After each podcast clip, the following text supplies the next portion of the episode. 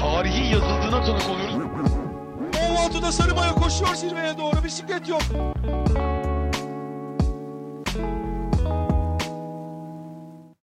Sokrates'ten herkese merhabalar. Yeni podcast programımız Maç Kasetine hoş geldiniz. Bildiğiniz üzere uzun süredir zaten hem spor gündemine hem de spor gündeminin dışında tarihi noktalara giden çok fazla yayın yaptık. Ama Maç Kasetinde tam olarak tamamen buna odaklanan bir yayıncılık politikası yapacağız. Bundan böyle sadece futbolda değil basketbolda, atletizmde, bisiklette, voleybolda aklınıza gelebilecek hemen her sporda spor tarihine kazınmış anları, maçları sadece o maçın üzerinden, sadece o maçın, o karşılaşmanın detaylarını konuşarak inceleyeceğiz. İlk bölümde de ben İnan Özdemir, İlan Özgen ve Canereler'le birlikte 25 Mayıs 2005'te oynanan ve bugün sadece tüm Türkiye'nin ya da İstanbul'un değil, dünya futbol tarihinin kalbine işlenmiş bir maçtan bahsedeceğiz. Liverpool-Milan Şampiyonlar Ligi finaliyle ilk programımıza başlayalım dedik. This is how it should be. Two of the greatest names in European Cup history contesting the showpiece final at the end of another Champions League season. The name has changed, but the trophy is the same. Milan on the right, six times winners versus Liverpool, four times winners. Çünkü gerçekten de sadece İstanbul'da oynandığı, sadece bizim çok romantik bir bağ kurmamızla ilgili bir durum değil bu. Liverpool tarihinin ne kadar büyük olduğunu ve Liverpool kulüp arşivinin ne kadar özel olduğunu bilirsiniz. Bugün Liverpool Müzesi'ne gittiğinizde Anfield'da bütün kupaların, bütün o başarıların, bütün o tabloların yanında İstanbul'a ayrı bir yer ayrılmıştır. Yani İstanbul'a ayrı bir oda koymuşlardır ve İstanbul'a dair bütün detaylar, posterler, maç görüntüleri ayrı bir odada o müzede ziyaretçilere anlatılır. Gerçekten de o final sadece Liverpool tarafıyla değil Milan tarafıyla da genel Şampiyonlar Ligi ve Avrupa futbol tarafıyla da bugün hepimizin hatırlarında elbette. Zaten Sokrates'in bu ayki sayısında da Şampiyonlar Ligi tarihi, Şampiyonlar Ligi finaller tarihi üzerinden Aranata Pilavoğlu, sevgili Canereler, İlan Özgen, Emre Özcan ve Erman Yaşar sorularını sorarken yani Şampiyonlar Ligi tarihinin en unutamadığınız finali ne sorusunu 2005'i saymazsanız diye soruyordu. Çünkü yani herkesin aklına gelen ilk cevap ve herkesin direkt verdiği cevap elbette 2005 finali. Öncelikle hoş geldiniz Canereler ve İlan Özgen. Hoş bulduk. Merhabalar İnancım. Sokrates dergi öyle bir oyun oynadı ki bana Canereler inan bir de Gerrard eksik. Yani Liverpool'ların arasına beni attılar bakalım. Ee, ama sen de sen de Kenny Dalglish'i seversin. Severim abi. Çok severim. Yani güya şöyle bir formasyon var burada. Ben tarafsız moderatörüm ki tarafsız gazeteci kimliğimden hiç şüphe duymayın. Yani Liverpool tarafında olacağım bu yayın boyunca. E, Canereler Liverpool köşesi, İlan Özgen de Milan köşesi Evet. olarak burada bulunuyor. Ama aslında ikiye biriz.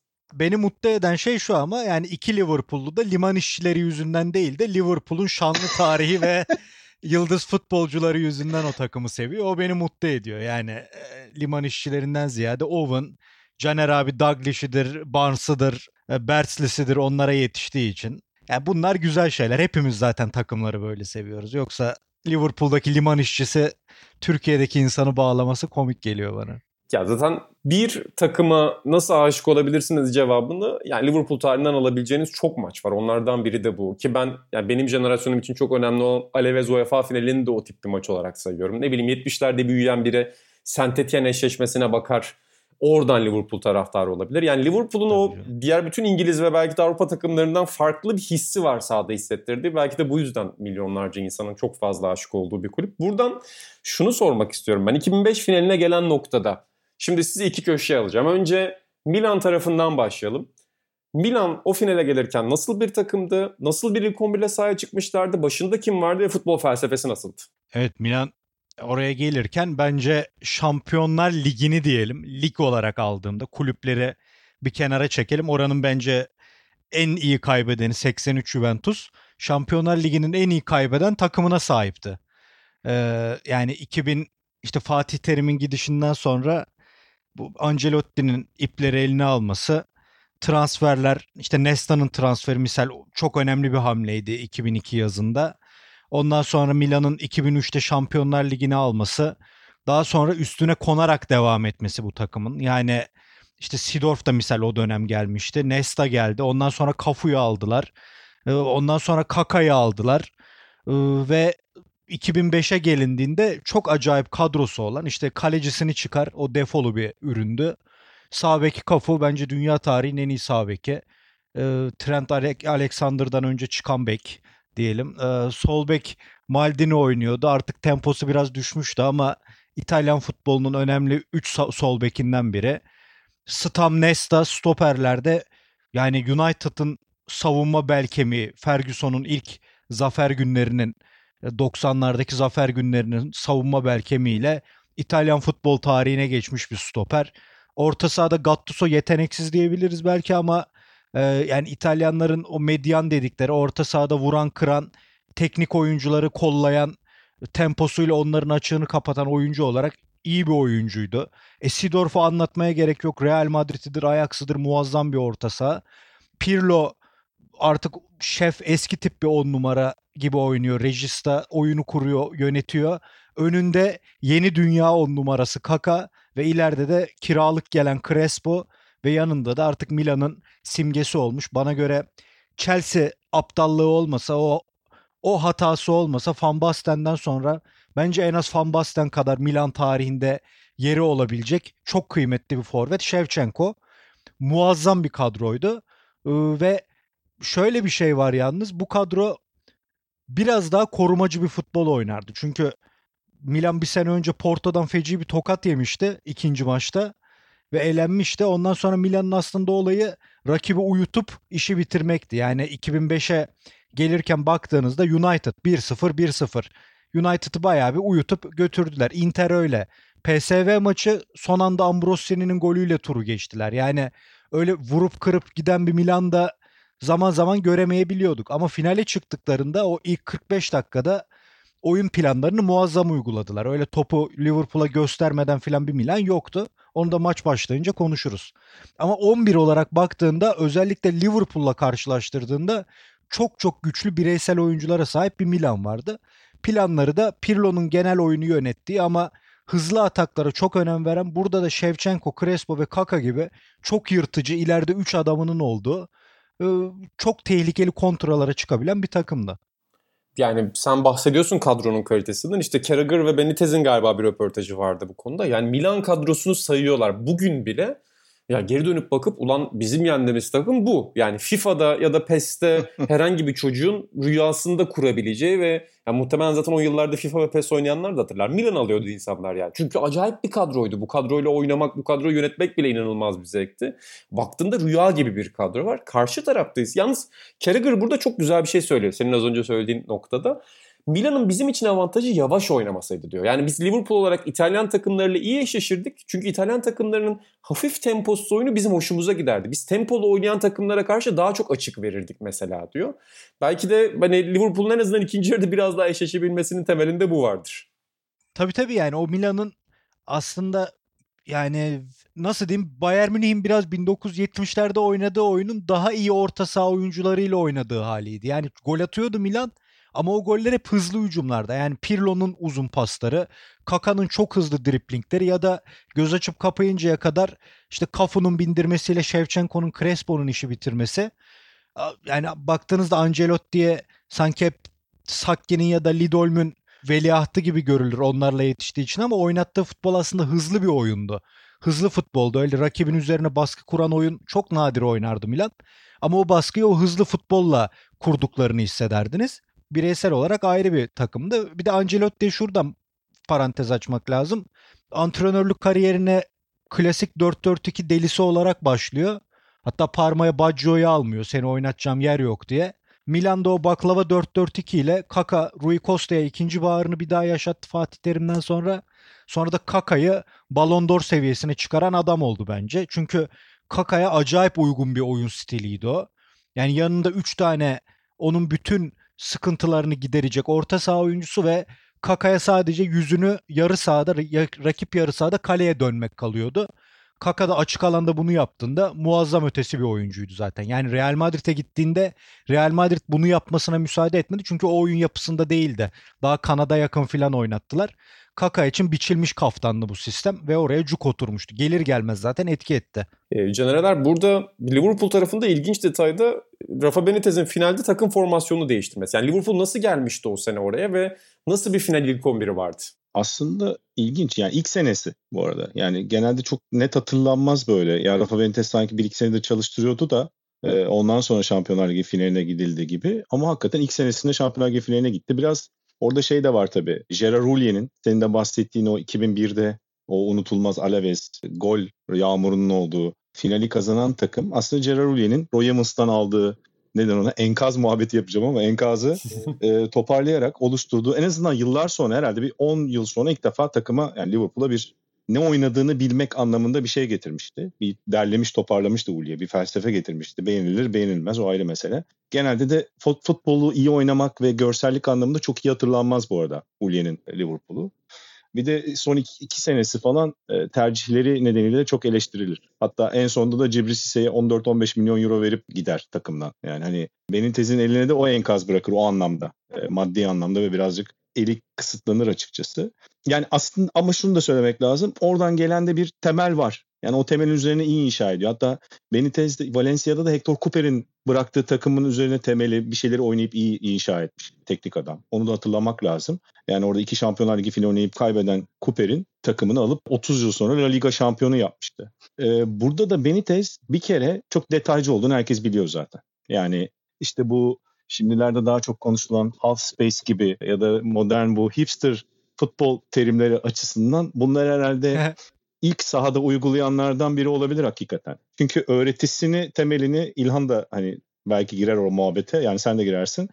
Hani Sakki'yi özellikle çok beğenen. O anlamda bence bu finalin öyle bir hikayesi de var geri planda. O çok güzel. Taktiksel açıdan baktığında ve teknik direktörün hikayesi açısından baktığında hani Ancelotti zaten Sakki'den çok etkilenmiş bir isim doğal olarak onun kariyeri bitmek üzereyken neredeyse sakatlıklardan Milan'a alıp hani son böyle müthiş bir ikinci bahar yaşattı 20'li yaşlarının sonunda bir oyuncu Ancelotti. Belki de ilk Pirlo diyebiliriz değil mi İlhan? Yani şey olarak bu geriden oyun kurmak, orta sahada çok çeşitlilik arz eden, e, orta saha olmak anlamında bir 8 numara gibiydi ama bir yandan oyun kurabilen bir oyuncu. Tabii ki Pirlo seviyesi ayrı bir şey ama. Abi şöyle ilk Pirlo diyebiliriz bence. Pirlo da hani forvet arkası oyuncusuyken oraya gidiyor. Ancelotti evet, de yani Parma'da ilk çıktığında forvet sonra Lidolmon'u orta saha yapıyor. Sakki de orta saha Ancelotti'yi alıyor. Dediğin gibi takımın patronu yapıyor. Ben de öyle hatırlıyorum. Oralara belki gireriz sonra. Çok detay. Sen çünkü asıl sorumuz şey hani Liverpool o sene oraya nasıl geldi e, finale. Ama bu temel önemli. Yani bu Sakki hikayesi. Çünkü Real Madrid altyapısında ilk çalışmaya başladığında gençlerle falan o, o kadar hani 80'lerin sonunda Sakki meraklısı ve fanı ki Arigo Benitez diyorlar ona. Yani o kadar hani altyapıda onun sistemini alıp uyguluyor falan. O açıdan bu finale gelip Milan'la karşılaşması ve onun başka bir disciple'ı dediğimiz veya padavanı dediğimiz nispeten Ancelotti ile karşı bir taktiksel mücadeleye girişmesi e, Benitez tabii futbol istihdamı açısından özel bir teknik adam. O senede de bilindiği üzere çok rotasyona tabii daha sonradan daha sert giden bir teknik adamdı ama yine de rotasyonu çok iyi yine kullanan, onu e, bütün sene sergileyen bir teknik adamdı. Finale nasıl gelindi? Aslında enteresan çünkü o şeyden sonra yani sezona e, ligde çok kötü başlayan ve ara ara yükselen ama sonradan hani galiba uzun yıllar sonra ilk defa bu kadar kötü bir sezon e, bitiren bir Liverpool vardı. Ve bu maçtan yani 25 Mayıs'tan 10 gün önce son maçını oynadığında Liverpool 58 puanla 5. bitiriyordu ve e, Şampiyonlar Ligi hakkını kaybeden bir Liverpool var. Aslında morali bozuk olması lazım. Ama öyle bir e, Şampiyonlar Ligi serisi ve koşusu oluyor ki e, tabii ki olağanüstü bir heyecanla İstanbul'a geliniyor. E, arada işte siz demin bahsederken inan Carragher'ın örneğinden verdin. Mesela arada Juventus'u yenmesi belki orada güven vermiş olabilir. Yani elemesi. Ki Juventus o zaman da iyi bir takım. Yani e, o turda elediği Juventus Liverpool'un. Ki orada e, çok hani çekişmeli bir eşleşme olduğunu hatırlamak lazım. Gruptan bu arada grup çok dramatik zaten. Olympiakos son maçı meşhurdur. Gerrard'ın attığı gol. Ve o maçta mesela Neil Mellor çok enteresan bir katkı veriyor. Yani Neil Mellor'ı şu an ismini hatırlayan yoktur herhalde. O sene çıktığında böyle Liverpool'a müthiş katkı verecek bir oyuncu gibi görülmüştü. Gerrard'ın herhalde kariyerinin en önemli gollerinden biri olabilir. Çünkü o gol atılmasa e, Liverpool gruptan çıkamıyor ve ardından da zaten böyle bir finalden biz bahsedemiyor olacak büyük ihtimalle. Oradan başlıyor. Monaco'nun arkasına ikinci olunuyor. Ki grupta Olympiakos ve Deportivo var ama Yani Deportivo da o senelerin hakikaten iyi takımlarından bir tanesi. Yani şu an baktığında böyle Aa, kolay tak e, şeymiş diyebilirsin. Monaco bir sene öncenin finalisti. Olympiakos Rivaldo'lu falan bir Olympiakos. Fena bir Olympiakos değil. O senelerde iyi para olan hatırlanacaktır yani çok yatırım yapan bir Olympiakos'tu. Deportivo'da bir önceki sene bu Milan'ı yani bu kadroya yakın Milan'ı 4-1 yenilikten sonra Riazor'da 4-0 yenmiş. Herhalde tarihin en efsane seri yani eşleşme içi geri dönüşüdür diye tahmin ediyorum. Geri dönüşlerinden biridir diyeyim. Son yıllarda çünkü e, Barcelona, Saint Germain ve e, en yakın zamanda da Liverpool yine aynı şeyi Barcelona'ya yapmıştı benzer bir şekilde. Velhasıl oradan çıkan Liverpool bir yandan o dönemin başka formda takımlarından biri. Belki ondan 2-3 sene önceki o finali oynayan Bayer Leverkusen kadar kuvvetli olmasa da yine işte hala Ramelo falan vardı diye hatırlıyorum. E, o temel oyuncular. Hatta Berbatov falan vardı galiba yanlış hatırlamıyorsam Forvet'te. Yani hiç fena bir takım değildi o Leverkusen'de. O Leverkusen'i 3-1-3-1 geçmişti mesela. Orası bence Liverpool için en önemli özgüven kaynağıydı. Çünkü galiba bir sene veya bir sene veya iki sene önce Bayer Leverkusen'e çok kötü elenmişti. Liverpool ve e, Gerard Houllien'in sonunu getiren e, maçlardan biri olduğu konuşulur Bayer Leverkusen elenmesinin. Sonra Juventus zaten demin bahsettik ve ki o Juventus'ta Nedved çok formda bir Nedved vardı. İlhan belki daha net hatırlar. Yani sonuçta onlar da birkaç sene önce Şampiyonlar Ligi finali oynayan ve her sene iddialı kadro kuran bir e, Juventus'tan bahsediyoruz ki o sene de ligde şampiyon oldular. Her ne kadar galiba Calciopoli ile sonradan alındı Juventus'un şampiyonluğu o sene ama yani Liverpool'un elediği ilk turdaki takım Leverkusen. O senenin taş gibi takımlarından biri. İkincisi Juventus. Zaten bir turnuva sinerjisi yakalıyor. Şampiyon oluyor Juventus. Sonra da Chelsea. Chelsea de o senenin Premier Lig şampiyonu. Herhalde o yıllardaki en güzel eşleşmelerden biridir. Ee, bir gol olsa da Chelsea-Liverpool hani heyecan ve şey açısından, adrenalin açısından ve bir yandan finale geliniyor. Şimdi oradaki detaylara girmeyeceğim çünkü maçla ilgili konuşacak çok şey var. Bir şeyi söyleyeyim. Bir kere kadroları şimdi sayıyoruz değil mi? Hı hı. Tamam. Kadrolarda zaten yani demin siz nasıl e, övdüyseniz Milan kadrosunu Liverpool kadrosunu o kadar övemiyoruz. Yani e, hakikaten herhalde Liverpool tarihinin de ilan dedi yani kaybeden en e, görkemli takımlardan biri dedi Milan için. Kazanan herhalde en çöp takımlardan biri de Liverpool diyeyim. Yani ben hani çöp derken bu arada futbolcuların tabii ki işine saygımız var. Ama işin yetenek kısmı açısından söylüyoruz ve bireysel beceri açısından söylüyoruz. Yoksa bir araya geldiğinde iyi bir takım olmak önemli bir beceri. Yani. Jimmy Traore zaten her şeyi açıklıyor abi. Yani evet. Aynen öyle. yani bak Jerzy Dudek o sene herhalde en fazla hatalı gol yiyen adamlardan biri. Yani hatta e, iki senedir. E, zaten o da Gerard transferlerinden biridir. Feyenoord da bu arada iyi sezon geçirdikten sonra almıştı. İşte Finnan var. Ya Finn'in klasik bir İrlandalı bek. Hani Steve Stanton vardı ki çok iyi bir bekti. Ben çok severdim Aynen çocukluğumda. Öyle. Kızıl saçlarıyla. Ya onun gibi akıcı da değil mesela. Hani Steve Stanton şu an oynasa modern bir bek olabilecek kadar hakikaten akıcı çizgide oynayan bir oyuncuydu. Finn'in normal yani standart bir bek. E Jamie Carragher orada o çok kritik bence. O senenin başına kadar Gerard Houllien'u bek oynatıyor. Yani milli takımda da bek oynuyor. Benitez geliyor onu stopere koyuyor ve Hipya ile eşleştiriyor. Zaten bence Benitez'in sezon başında yaptığı en kritik herhalde onun taktiksel o ve oyuncuyu e, görme açısından en önemli hamlelerinden biri herhalde. Onun dehasını açıklayan diyeyim Benitez'in. Kötü yanları vardır ama iyi yanlarından bir tanesi. Şimdi Jimmy Traore ile çıkıyorsun Şampiyonlar Ligi finaline. Bir kere titrersin. Yani yani sürekli hata yapmaya teşne. Böyle bir e, bekle oynamak ki zaten yani maçın başında ilk hatayı da yapıyor bu arada. Biliyorsunuz yani. Birazdan gireriz orada. Yani maçın başındaki faul yapan o Jimmy Traore. E, en kritik yerde işte half space denen yere çok yakın yerde yapıyor zaten o faulünü. Burada en kritik yetenek tabii Xabi Alonso. Yani olağanüstü. Hani demin biz Pirlo dedik. Zaten galiba Ancelotti'nin o meşhur Cooper'e verdiği bir röportaj vardı Financial Times'ta.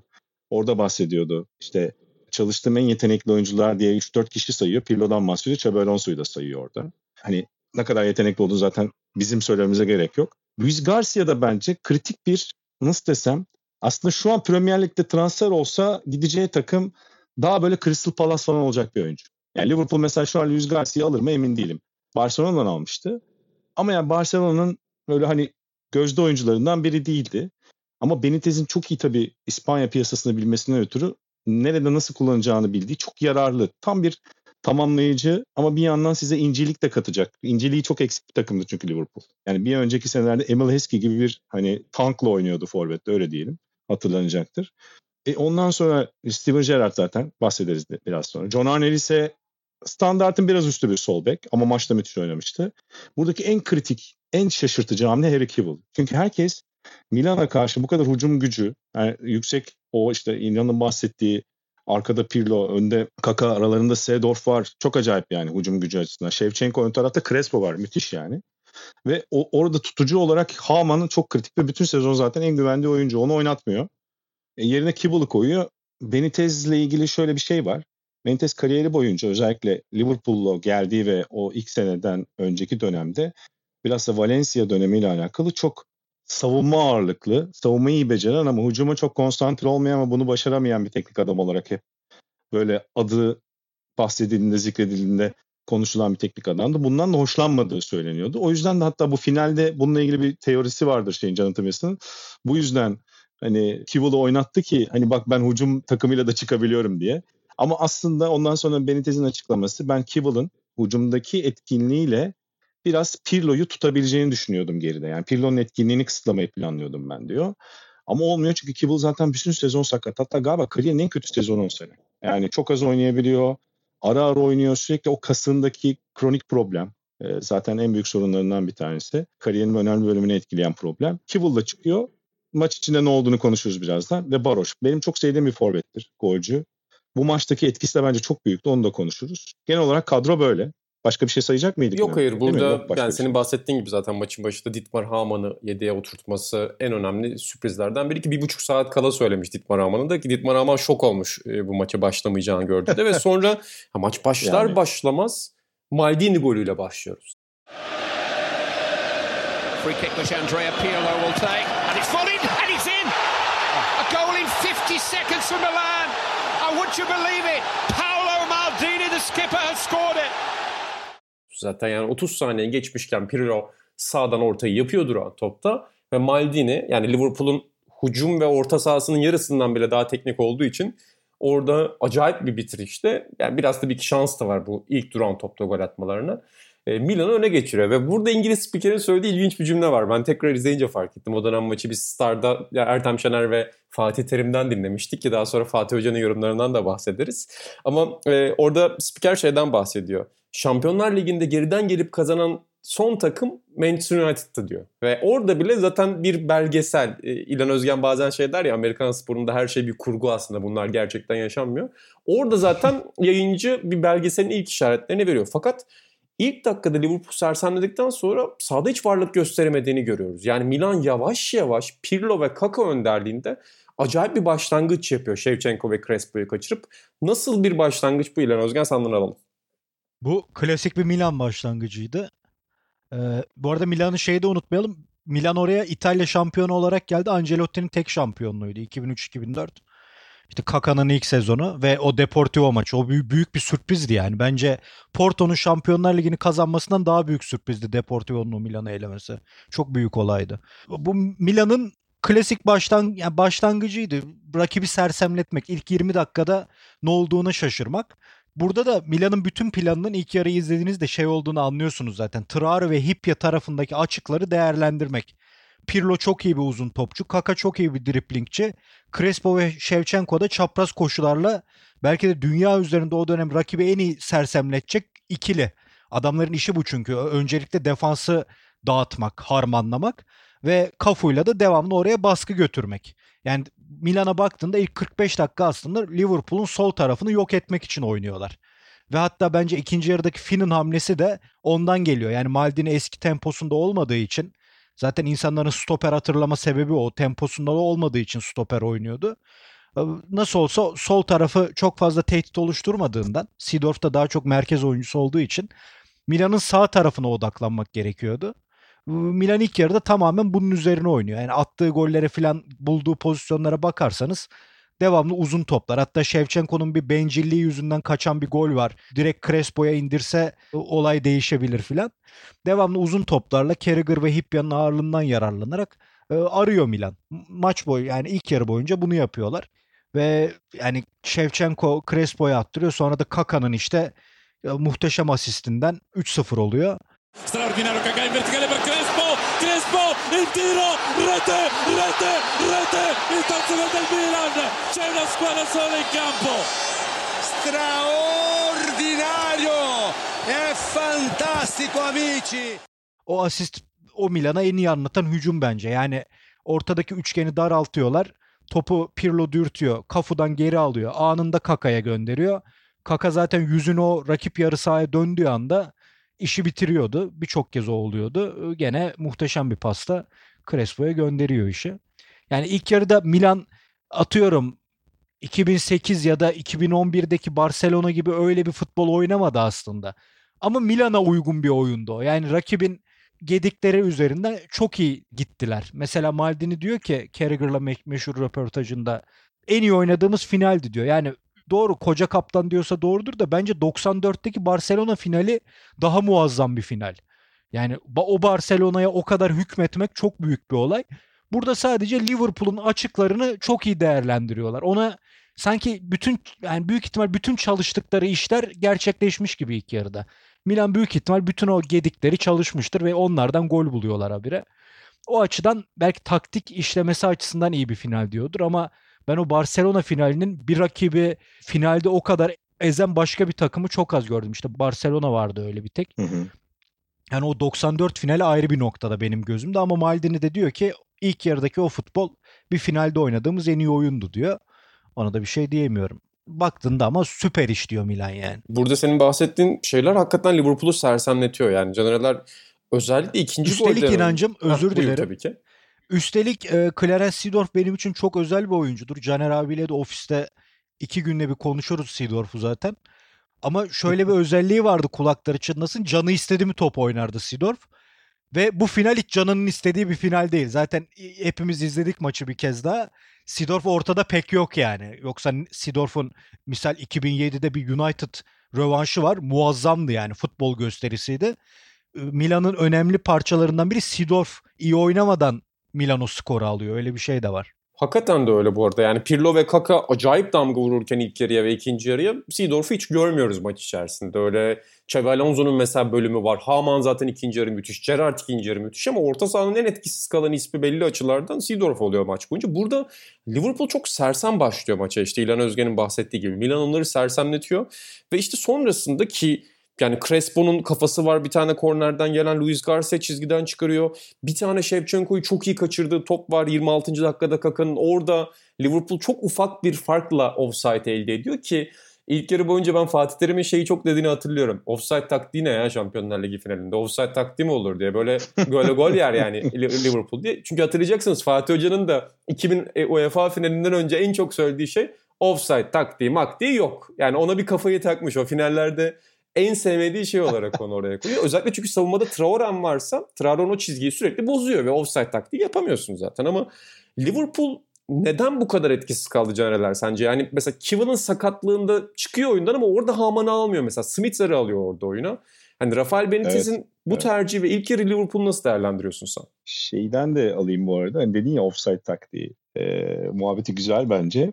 Demek ki yine Sakki'ye bağlanıyor. Yani Sakki çok iyi offside taktiği uygulatmasıyla biliniyor ya yani press artı offside taktiği. O Milan'la yaptığı devrimin temellerinden bir tanesi. Ama yaptığı savunma bambaşka tabii yani.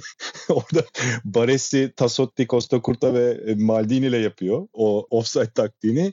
E tabii Benitez'in burada yapmaya çalıştığı savunma Finn'in ee, hadi Carragher olabilir. Çünkü Carragher'a sene başında Baresi videoları vermiş DVD'leri izlesin diye. Yani seni stoper oynatacağım bak bu adam gibi oynaman gerekiyor diye. Bir Baresi hastası zaten şey. Rafael Benitez. Yanında Hipya dediğin gibi ağır kalan bir oyuncu. E Traore malum. Yani zaten hani en sakar oyuncularından biri Liverpool'un. Böyle başlayınca zaten bir de yani kaç 40. saniye mi gol yeniyor? Aynen. 37 40. saniye gol yeniyor. Zaten yani bir kere knockout'la başlıyorsun. Dağın diye yumruk yiyorsun yani. Çok sert bir şey o yani. Düşünsene zaten rakip senden güçlü. Üstüne üstlük. E bir de e, duran toptan ki duran topları o sene özellikle fena savunmayan bir Liverpool var. Benitez'in genel zaten dikkat ettiği noktalardan bir tanesi o detaycılığıyla. Ve hakikaten çok sert bir yumruk yiyerek başlıyor. Hatta ondan sonra hemen bir reaksiyon veriyor e, Liverpool. O konu çok tartışılır mesela. Yani orada sürekli hücuma çıkmaya çalışıp reaksiyon vermesi aslında geriden Pirlo'nun oyunu kurmasını da kolaylaştırıyor. Üçgenlerle o çıkıyor ya e, Milan. E bir de bekleri o kadar iyi top yapabilen oyuncular ki yani Cafu, Maldini zaten olağanüstü tekniğe sahip oyuncular. E, Nesta ile tam da top çıkarabilen stoperler. E, o yüzden de yani o ucuma çıkması tam tersine sizin dediğiniz o işte tam İlhan dedi ya Milan'ın golüydü Kaka'nın attığı pas. E o nasıl oluyor? ileri çıkıyor. Simicher'in pası var orada. Luis Garcia'nın önüne. Nesta'nın eline çarpıyor. Penaltı mı değil mi tartışılan bir pozisyon bu arada biliyorsunuz. Aynen.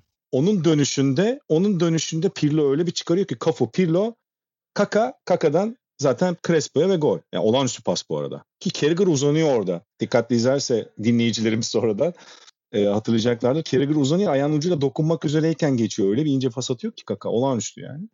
Ha, onun öncesi o zaten ilk yarının sonundaki gol. Ama ondan önce inan sen de saydın. Yani o sersemleme, ayakta hani knockout olacak, düşmeye yakın boksör hissini çok verdiği pozisyon var Liverpool'un. Sizin saydığınız pozisyonların dışında bu arada o offside pozisyonunda müdahalenin Gerrard'dan geldiği sonradan çok konuşulmuştur ve hani offside olmadığı. Aslında Milan'ın ilk yarıda çok daha erken öne geçeceği. ikisi. Boş ver onu şimdi Çok artık. konuşulur Ad- yani. Adaletim adaletim. Tamam. Ee, ondan sonra o. Ondan sonra şey var. Hipya kendi kalesine atıyordu bir tane. Şey son anda çıkardı Dudek. Tuttu topu mesela. Öyle sersemlikler de var. Yani hani normalde çok dikkatli olması gereken sonra daha formda olan oyuncular da kötü oynayarak başlamıştı. Bir de Gerrard o pozisyonu hakikaten iyi oynayamıyor. Yani Gerrard top tutucu, e, savunmada kesici şey oynadığı zaman yani orta sahada pardon savunma diyorum. Kariyerinde hep orada problem yaşayan bir oyuncu. Zaten Gerrard'ın kariyerinin açıldığı dönem sonrasında daha ileri dönük e, orta saha oyuncusu olduğu zaman oluyor. Yani o yüzden Haman'ı başlatmaması zaten e, Gerrard'ın da bence kötü başlamasına neden olan e, sebeplerden bir tanesi Benitez'in. Senin dediğin gibi 23. dakikada artık devam edemiyor sakatlığından dolayı Kibble. Kariyerinin kötü anlarından biri olarak söyler ve Liverpool taraftarlarıyla ondan sonra zaten bağında bayağı bize delenme olur. Hatta onun meşhur bir sözü vardır yani Galatasaray taraftarlarını ye tutarım diye Liverpool taraftarlarını. Ee, o yuvalanmanın etkisi çok konuşulur. Farewell appearance for Liverpool. He will replace a very dejected Harry Kewell. Spitzer, who uh, 32 yesterday. O çıkarken dediğin gibi Simicher giriyor. Yani Simicher normalde orta sahada biraz daha hücuma dönük e, bir oyuncu. Ve e, yani yine Gerrard'ın aynı rolde olması gerekiyor. Alonso'nun üstüne çok yük biniyor. Ki bu arada Benitez'in takımlarına baktığınızda o pozisyondaki oyuncuların hep yükseldiğini görürsünüz. Mesela Xabi Alonso'nun kariyerinde Benitez'in rolü çok fazla. Ondan önce Aymar'ı mesela müthiş oynatırdı. Hatırlarsanız oyun kurucu olarak. Chelsea'de Mata mesela muazzam oynamıştı Benitez'le beraber. Yani o pozisyondaki oyunculara kendi şablonu gereği çok öne çıkan ama Alonso çıkamıyordu çünkü önündeki oyuncuların hatalarını toparlamaktan meşguldü. Yani orada e, hiçbir şekilde karşılayamadı Liverpool. Oyuncu gücü olarak da, pozisyon olarak da, diziliş olarak da orta sahada o top tutucuyu çok aradı.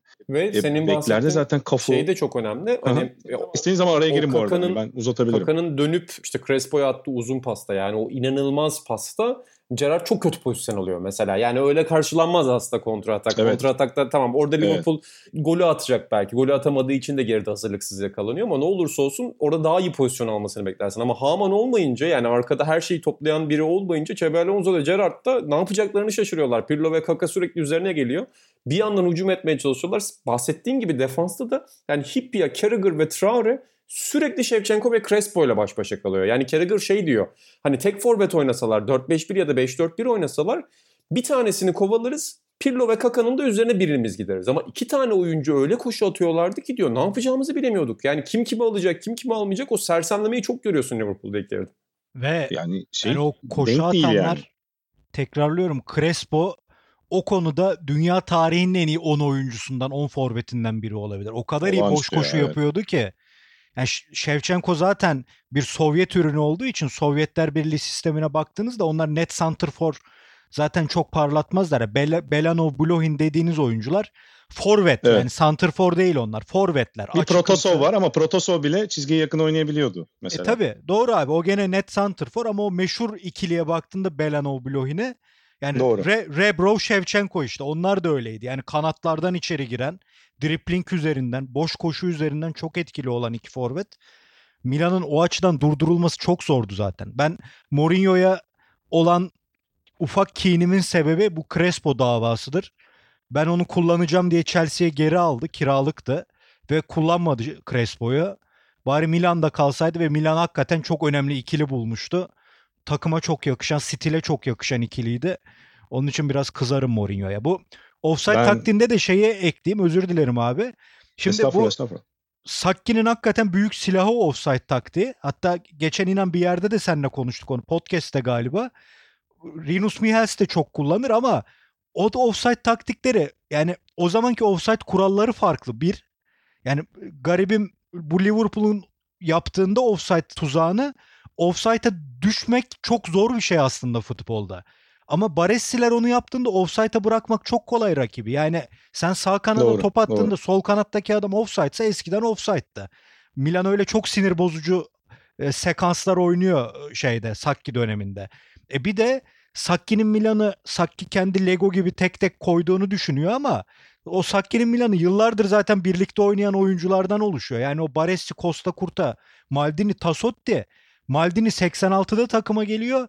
Diğer üçü zaten 82'den beri falan birlikte oynuyorlar. Baresi 1978'den beri takımda falan. Ya o kadar uyumlu bir takım ki o. Onu uygulamaları daha Burada kolay ise oluyor.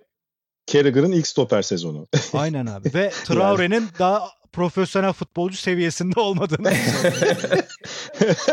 o da doğru. yüklendik. Traore'nin ailesi dinliyorsa bizi ki eminim dinliyordur. Kusura bakmasın. Aman aman. Ama bak maçta kahramanlaşıyor oraya geleceğiz. Aynen öyle ve yani ilk yarının sonunda şeyi gördük değil mi? Yani mesela ben şeyi hatırlıyorum işte o benim OKS yılım olduğu için de özellikle benim için özel bir yıldır. Ulan hani Oo. bir yandan sınava çalışıyorum. Acaba devrede gidip yatsam mı? Yani o gece de sanki devrede o maçı devam etmesem müthiş gidip test çözmeyeceğim. 100 soru çözdüm anne bu geceyi çok verimli geçirdim falan. Bunlar tıraş da. Aman inan. İyi ki gitmemişsin.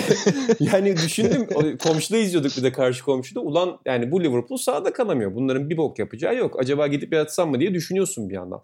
Yani sen nasıl hissediyordun Caner Eder o maçta? Yani 43-45 gibi çünkü spiker bile şey diyor. O zaman uzay futbol tabiri daha yerleşmemişti belki lügata ama Milan başka bir dünyanın futbolunu oynuyor diyor. Ve yapacak hiçbir şey yok. Orada ben İngilizlerin o yayıncılık tavrını çok seviyorum. Yani Liverpool 3-0 geride ama Evet herif ya. diyor ki Milan başka bir futbol oynuyor. Başka dünyanın bir futbolu ve bunu alkışlamaktan başka yapacak hiçbir şeyimiz yok. Yani bu gerçekten müthiş bir yayıncılık. And Milan now playing football out of this world. Nobody can live with this.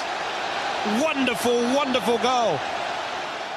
Bu arada yani inan ne yaparsın mesela böyle bir durumda? Taraftarsın veya işte futbol seversin ya da işte teknik direktörsün. Yedek kulübene bakarsın değil mi? Evet. yani yani bir şeyleri değiştirebilir miyim falan diye. Yani şimdi Simiser'i sokmuşsunuz zaten.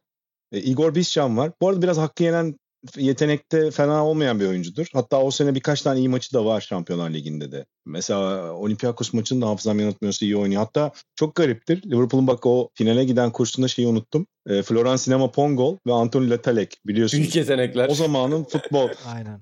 futbol gelecek e, tahayyülcüleri için önemli iki büyük yetenekti. Biri işte ne olabilir diyelim Anthony Latelek herhalde e, Benzema'ya yakın bir şey olabilir diye. Yani o zaman Benzema yoktu da hani şu an olsa futbol tarihinde öyle hatırlanabilirdi.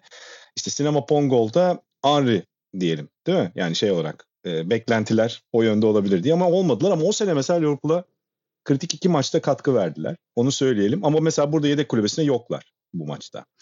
E, Hosemi var. E, işte Haman herkes bir girer mi diye bekliyor. Haman da zaten yaratıcı bir oyuncu değil yani orta sahada size oyunu tutacak oyuncu. E, Nunez var. Nunez de biliyorsunuz Owen'ın Real Madrid'e gitmesiyle alınan bir oyuncu. E, şey para artı Nunez. E, Cibril Sisse var. Ben aslında ilk çıktığında çok severdim Fransa'da Auxerre'de. Çok beğenirdim. E, böyle canavar, sprinter, siyahi golcü diye ama sonra yani kafa olarak futbolla ilişkisinde sorunlar oldu biliyorsunuz. O 2002 Dünya Kupası da meşhurdur. E, bir de Simiçer girmişti. Yani şey de yok. Çözüm bulacaksınız. Beni testsiniz. Ne yapacaksınız yani devre arasına giriyorsunuz. Oraya geçelim mi devre arasına Tabii onu yaptığını? soracaktım ben de. Yani devre arasında ne yaptı? Ha, tamam. Bir sana sorup sonra da yani Ancelotti Tamam. ne yapabilirdi ve Ancelotti'nin Tamam. değişiklik paterni ne ona bakalım. biraz. Tamamdır. Bu arada e, demin şeyden bahsederken Crespo'ya bir şey eklemek isterim. Ben 96 olimpiyat oyunlarında has- hasta olmuştum. Orada ilk izlemiştim Crespo'yu. E, tam olarak Claudio Lopez'le Arjantin milli takımda orada finalde yine kaybetmişlerdi Nijerya'yı. O Nijerya da müthişti bu arada. O zaman olimpiyatlarda galiba yanlış hatırlamıyorsam 3 e, oyuncu 22 yaş üstü olabiliyordu. Hatta Uche vardı Nijerya'da da. E, Crespo ile Claudio Lopez olağanüstüydüler hakikaten. İkisinin de kariyeri zaten sonra çok herkesin hatırlayacağı kariyerler oldu ama Crespo'nun o yıllarında İlhan'a katılıyorum. O kiralık olma dönemi falan benim de üzüldüğüm yıllardır. Mesela topu ilk kontrol ardından kaleciyi süzüp doğru vuruş yapma konusunda bence çok özel forvetlerden bir tanesi golcülerden. Koşu yapmak aynı zamanda. Ki bence buradaki etkilerinden bir tanesi de Ancelotti'nin onu Parma'dan çok iyi bilmesi. Beraber çalışmışlar da hatırlanacaktır. Ancelotti'nin Parma'da çalıştığı dönemde. Ve e, bence özellikle de bu finalde oynatmasının ki Thomas Son o senenin şey transferlerinden biriydi taze. Ama Crespo'yu tercih etmişti e, finalde Ancelotti. Bu tip büyük maçları da iyi oynamasını bence düşündüğü için, beklediği Tek için. vuruş da acayip. Onu da yani. eklemiş olayım Hakikaten naçizane. Tek vuruşu yani Değil mi? sanat eseri gibi Çok. bir tek vuruş orada. Ya kolay gibi görünen bir Çok, gol. İlhan çok Baba güzel. sen de yayından önce aynısını söylüyordun değil mi? Ya çok acayip bir gol ya o. Çok güzel. Canım onu ona kolay vuruş diyen adam gitsin bir kere denesin. Nasıl ko- çok zor bir şey ya. Ya Kaka'nın pası iyidir ki Kaka hep derim yani Rui Costa'yı düşündüğümüzde Caner abi de Rui'nin şey dönemlerini hatırlar o Fiorentina. Rui Costa Aa, evet. tamamen pas üzerine kurulu bir eski on numaraydı. Ben Şey Kaka'yla konçları düşük bir de. Şey Aynen abi. çorapları düşük oynardı ya. Yani Kaka onun yanında çok acayip bir pasör değildi belki ama yani gene de çok iyi paslar attığını görürdük. Pas elbette muhteşem. Dönüş Metin Özge'nin bir tabiri vardır. Alırken golü attırdı der. Hakikaten alırken golü attırıyor. Ama o vuruş çok zor bir vuruş abi yani çok zor. Onun yerine olası bir birkaç yıl önceki veya birkaç yıl sonraki finalde sahnede olan Inzaghi olsa orada kaleciyi geçeyim derken kendini atar bir şey yapar olayın içine edebilirdi ama Crespo yani çok zor bir vuruş o. Çok klas ve zor bir vuruş. Pas muazzam ama vuruş da en az onun kadar muazzam bence. Peki devre arasında Benitez ne yapıyor Caner'ler? Hemen onu söyleyelim. Ee, en kritik hamle herhalde. Orada ilginç bir muhabbet de var. Aslında tabii artık Haman'ı almak zorunda kalıyor. Yani devreye başlarken. Devre arasında konuşması da çok konuşulur. Ee, hatta onunla ilgili detaylar anlatılıyor işte. Şeyde de bahseder ondan. Jonathan Wilson da bu 10 maçta Liverpool e, tarihi kitabında da bahseder oradaki detaylardan. İşte tahtaya bir ara 10 oyuncu yazıyor. Bir ara 12 oyuncu oluyor. En son 12 futbolcu kalmışken Carragher galiba uyuyor yani 12 var diye. Ondan sonra yani o kadar onun da taktik çizerken işte Luis Garcia buraya gelecek, şu olacak, Haman'ı koyacağız. Haman'ı ısındırmaya gönderiyor zaten sahaya. Olimpiyat stadının çimlerine. Ki hani hazırlansın girecek diye. Ama oradaki enteresanlık çıkarmayı düşündüğü oyuncu Traore. Hatta Traore'ye soy- şey söylüyor bunu. Traore soyunuyor falan duşa girecek. O arada Fina'nın sakat olduğu ile ilgili bir muhabbet oluyor. Şeyin geliyor doktoru ve e, fizyoterapisti e, Liverpool'un.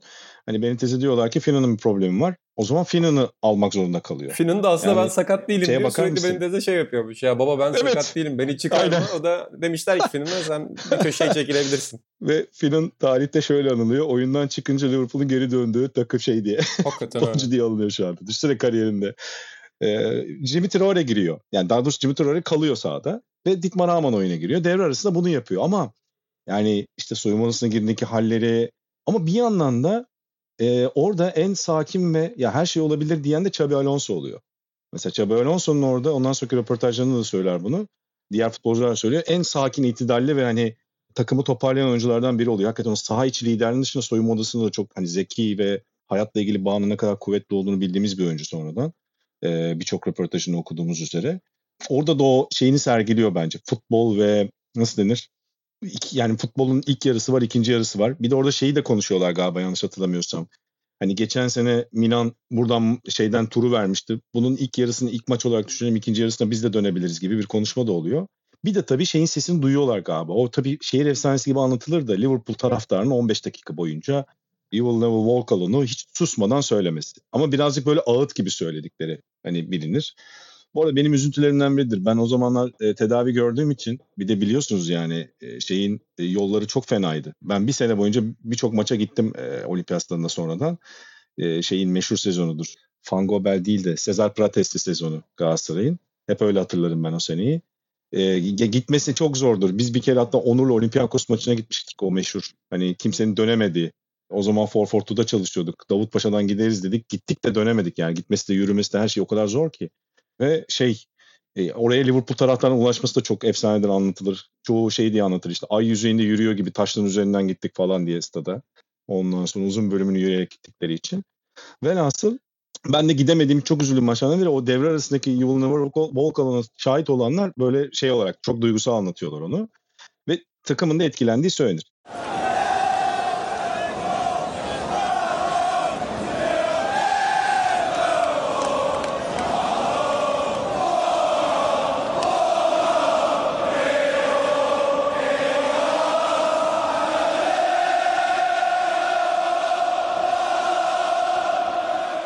Yani Liverpool bunu yapıyor ve Haman'la başlıyor. taktiksel olarak da burada kritik bir nokta var. Simicher'i şeye çekiyor. Kanat beki olarak oynatıyor. Yani Simicher'i kanat bekine çekiyor. O kritik bir hamle. Ortaya Haman giriyor. Haman böylece top tutucu oluyor. Gerrard öne geliyor. Bu da nedir? E, Gerrard hücuma yakın oynatıyor ve Liverpool asıl verimli olabileceği ve takım içinde ender olsa da var olan yetenekli oyuncuların da yeteneklerini değerlendirebileceği şablona dönüyor bu sayede. Yani Gerrard'ın hücuma katkı verebilmesi. İşte Simicher hiç kanat beki oynamıyor ama çok çeşitlilik arz eden bir oyuncu olduğu için o da İsviçre çakısı bir futbolcu hakikaten.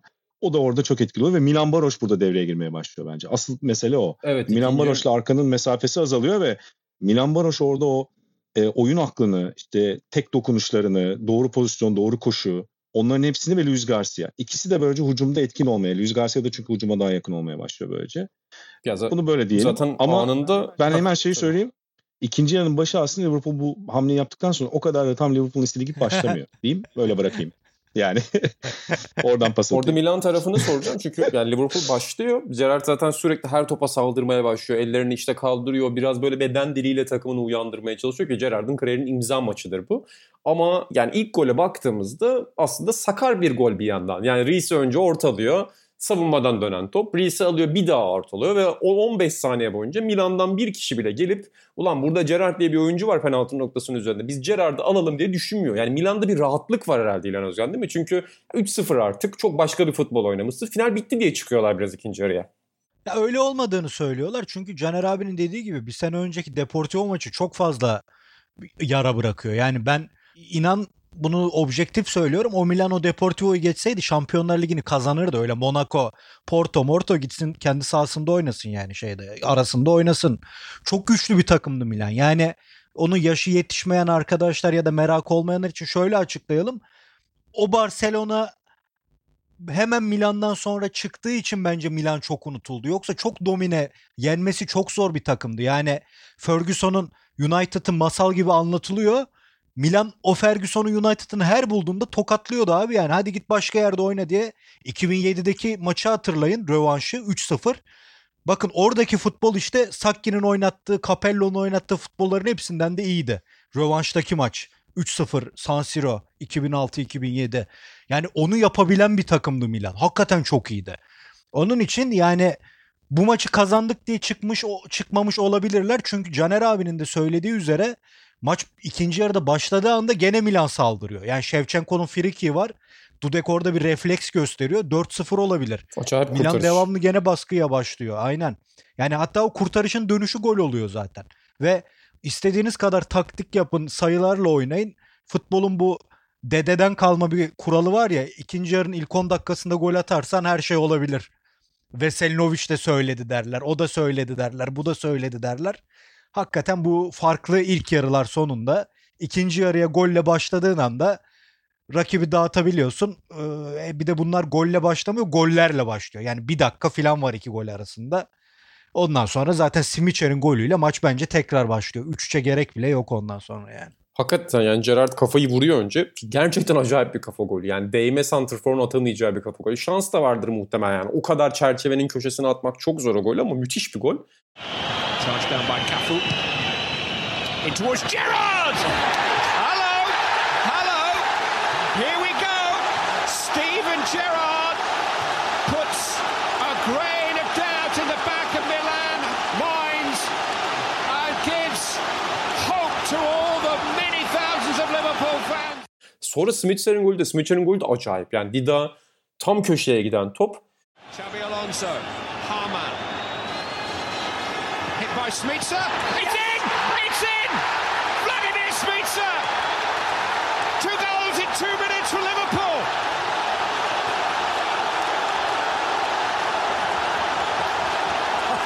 Miracles are possible. e, çıkaramıyor orada ki İlhan Özgen az önce Dida'yı eleştirmişti onu da soracağım bir kez daha. İki dakika. İki golde de iki golde de normal bir kaleci olsa gol yemezdi abi. İki golde Bu de. yayında bu yayında en merak ettiğim şeylerden biri İlhan'cığım. Dida ile ilgili yorumlarını özellikle bekliyordum İlhan'ın. O- Ona birazdan geleceğiz değil mi? Yani Tabii tabii. İki golde çıkarırdı diyorsun başka kaleci. Abi yani ikisi de kurtarılacak toplar ya. Yani iyi bir kaleci hiç değildi ve Milan tarihi boyunca niyeyse iyi kalecileri almaya hiç yeltenmez. Ben çocukken de şeye anlamazdım. Bu Payyuka'yı niye almıyorlar? Bunu anlamazdım. Ee, Rossi tamam fiziğine göre fena refleksleri yoktu ama kötü bir kaleciydi. E sonra Buffon parmadan gideceği belliydi. Juventus bir ton para verirken Milan niye hiç bulaşmadı hala anlamıyorum. Yani biraz iyi bir kalecisi olsaydı o iki golü yemezdi diye düşünüyorum ben. Ve orada yani Ama orada kaka ayakkabılarını bağlıyor. Esas orada olay var. Yani. Heh, onu soracaktım sana. Onu biraz anlatsana. Orada hakikaten garip bir şey ya şey soldan geliyor Liverpool paslaşırken top Simicher'e atılıyor. O arada Kaka'nın önünden geçiyor. Baba ayakkabı bağlıyor orada. Hani biz de şey yaptık ya Ozan Tufan saçlarını düzeltiyor filan dedik. Yani aslında Kaka da birkaç yıl önce Şampiyonlar Ligi finalinde ayakkabısını düzeltiyormuş orada. Hatta çorabını falan da düzeltti. Uzattı falan orada ya. Çok tabii acayip. tabii abi aynen. Ulan bir de yani yeri mi Zaten orası bu- hakikaten? Yani tamam Şampiyonlar Ligi finali de olsa ayakkabın açılır, çorabını düzeltirsin de bari siz hata çıkarken bir noktada. Top sende değildir yap yani. Herifler rakip yarı sahaya gelmişler. Orada 3-1 olmuş. Niye ayakkabını düzeltiyorsun, çorabını düzeltiyorsun? Bir de tam onun aslında pozisyon olarak alması gereken adam önünde o pası attı Xabi Alonso. Yani tacı Aynen şey kullandı. Galiba Traore kullandı tacı ya da Rize tam hatırlamıyorum. Ondan sonra Xabi Alonso'dan şeye geldi. Haman'a Haman'dan da Simicher'e değil mi? Yanlış hatırlamıyorum şeyi. Olabilir Zinciri. abi. Hı hı. Arkasından da çok acayip bir hücum var. Yani orada Caneler sana soracağım. Yani iki golü atıyor Liverpool. Momentumu alıyor. Hı hı. Hani o konsol oyunlarında da olur ya bir anda momentumu öne alan takım ulan ne olduğunu anlamadan gelir bir anda. Yani konsol oyunu gibi Liverpool gelmeye başlıyor. Fakat üçüncü golünde Liverpool'un yani penaltı pozisyonunda senin az önce bahsettiğin Milan Baroş'un zekasını, Smicher'in acayip bir koşusunu ve Milan'ın çok hazırlıksız yakalandığı bir anı görüyoruz bir yandan da. Hakikaten öyle. Yani onu mental olarak açıklamak zor. Yani Ancelotti'ye de soruyorlar hatta hani nasıl oldu. O 6 dakikayı açıklamak zor diyor yani. Futbolda birkaç dakika daha olsa önlem alabilirdim. E, önlem alma şansım olurdu diyor. Ama yani 6 dakikada nasıl önlem alabilirim ki diyor. Öyle bir şey oldu ki diyor ne olduğunu anlayamadım diyor. Yani gözü kapayıncaya kadar 3 gol yedik diyor. Oh, saved by Dina Xabi Alonso! And Mission Impossible is accomplished! Liverpool were 3-0 down five minutes ago.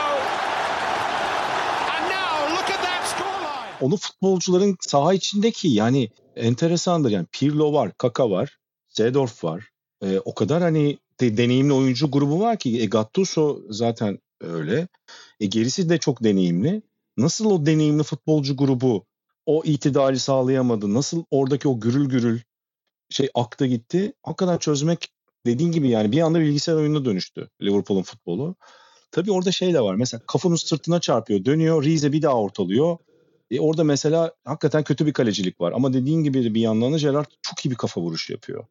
E, öbür golde Simicher belki 10 kez denese tam o köşeye gider mi? Ama futbol böyle bir şey zaten. Yani futbol bu hikayeler nedeniyle bu kadar küresel olarak, global olarak çok seviliyor. Ve şey diyor Ancelotti zaten. Yani o ikinci yarı öyle olacakmış zaten diyor. Yani bizim onu açıklamamız çok zor. Kader. Bizim takımımız kötü. Kader diyor aynen. Çünkü tak- yani ta- diyeceğim ki yani takım kötü oynadı yarım saat. Öyle oldu goller. Öyle bir şey de olmuyor diyor. Yani hakikaten hani bir takım 30 35 dakika kötü oynar.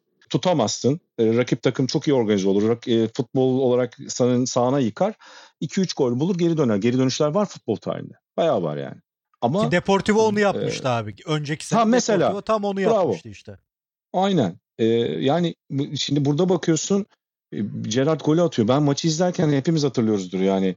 Ama orada bir şey var. Bence yani şey diyeceksiniz bana romantik diyeceksiniz. Bence Liverpool'a özgü garip bir şey var orada. Yani o o golü attığında e, Gerrard sanki böyle bir şey oldu. Bir karıncalanma oldu. Belki sağ şeyde de olabilir. Şey bir kıvılcım oldu orada. E, başka bir takım atsa şey diyebilirsin. Ya 3-1'den geri dönmek imkansız zaten Şampiyonlar Ligi tarihinde öyle bir şey yok yani finallerde. Bir galiba işte Benfica Real Madrid var değil mi? Ama o da o kadar kısa sürede olmuyor değil mi? İlan yanlış Tabii hatırlamıyorum tabii yani. abi aynen aynen. O da Yok böyle bir 60'larda şey. falan olan bir şey yani. Hani neredeyse yarım asır geçmiş üzerinden. E, yani şimdi böyle bir şeye baktığında da e, e, Liverpool'a özgü olsa belki de tribünlerin çoğunun Liverpool olmasının etkisi olabilir. Gürültü çıkaranın. Bir, bir anda Enfield'a dönüştürüyorlar bence. Yani başka bir seyirci olsa biraz İngiliz taraftar gruplarının da etkisi var bunda. Yani o bir golü atmak hep böyle şey vardır ya o takımı ateşlemek ne olursa olsun mücadele etmek. Çünkü zaten underdogs'ın yani. Zaten favori gösterilmeyensin. 3-0 geridesin. O zaman onurumuzla bitirelim. Mücadele edelim. Hani o, o düşünce yapısı var. Belki rakip takım yıldızlardan olursa, Liverpool değil de daha yıldızlardan oluşan bir takım olsa o eforu sarf eder miydi tartışılabilir. Mental çözülme daha şey olabilirdi. Bunun da etkisi Yok, var. Yani bunlar yani tabii varsayımsal olarak Senin metafiziksel dediğin şey çok doğru yani. Daha önce Sokrates FC'de İlhan Özgen o Saint Etienne maçını da anmıştı. Yani Liverpool'un Avrupa Hmm, ile evet. ilişkisinde metafiziksel bir yan var. Yani e, Var, İlhan var, Özgen de belki ekler. Hani senin söylediğin nokta çok önemli. Yani Liverpool tarihinde hep İngiliz kulüplerden daha farklı oldu. Hatta dünyadaki tüm kulüplerden Avrupa ile kurduğu ilişki de daha farklı oldu öyle değil mi? E tabii canım. İlhan'a yani- söyledin değil mi Hı hı. bunu? Hah, tamam. O yüzden sustum.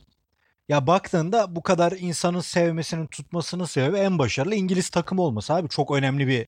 Hatta ya Ferguson büyük işler yaptı ama Liverpool gibi Avrupa'ya hiçbir zaman hükmetmedi. Liverpool'un öyle bir dönemi var. Yani mesela 81 finali çok bitmiş bir takım o Liverpool ama o Real Madrid'e gene finalde top oynatmıyor.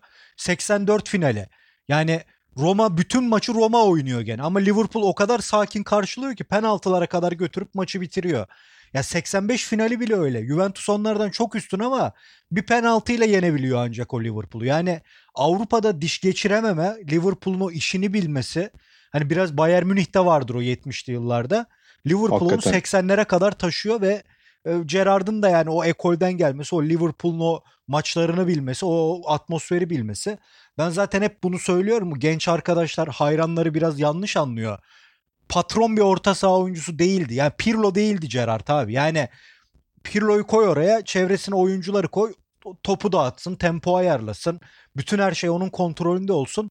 Hayır, Gerrard isyan eden bir adamdı sahada. Yani aynı oyuncu değil, tekrarlıyorum. Tuncay Şanlı öyleydi misal. Yani çok yetenekli miydi Tuncay? Hayır. Ama bir türlü bir fark yaratırdı sahaya girdiği anda. Çünkü habire mücadele ederdi. Habire bir şeylere karşı çıkardı sahada. Gerrard da aslında onun daha da büyüğü, daha da fenomen hale gelmiş. Yani tamam uzun top atar, tamam belli bir yetenekleri vardır ama ya Sidorf gibi, Pirlo gibi, Xabi Alonso gibi, ya öyle o tip Xavi gibi, Iniesta gibi bir adam değildi. Ama İngilizler Gerrard'a habire o, o ikonu yüklemeye çalıştı ve bence adamdan faydalanamadılar milli takımda. Gerrard'ın ne olduğunu biliyorsun- bu maçın ikinci yarısı abi. O Gerrard o işte yani. Milli takımda falan sağ bek falan da oynattılar ya onu garip. Lampard'la oynatalım derken. Hani Lampard'ı ortada tutayım derken. Yani öyle garip kayıp yılları da oldu mesela milli takımda da Gerrard'ın. Tabii tabii Yani tam anlayamadılar ki O, onu tanımlayamama tanımlayamamakla alakalı bir durum oldu hakikaten. Onun futbolunu. Kesinlikle. Ya mesela yani. biraz Hoddle'da da bu vardır ama onunki ayrı. O İngilizlere ait bir yer değil Hoddle'ın oynadığı yer. Regis de oynuyor Hoddle. Ama Gerrard'ı aslında çok kolay çözümlerle yani adam işte ikinci yarıda buluyor Gerrard'ın yerine.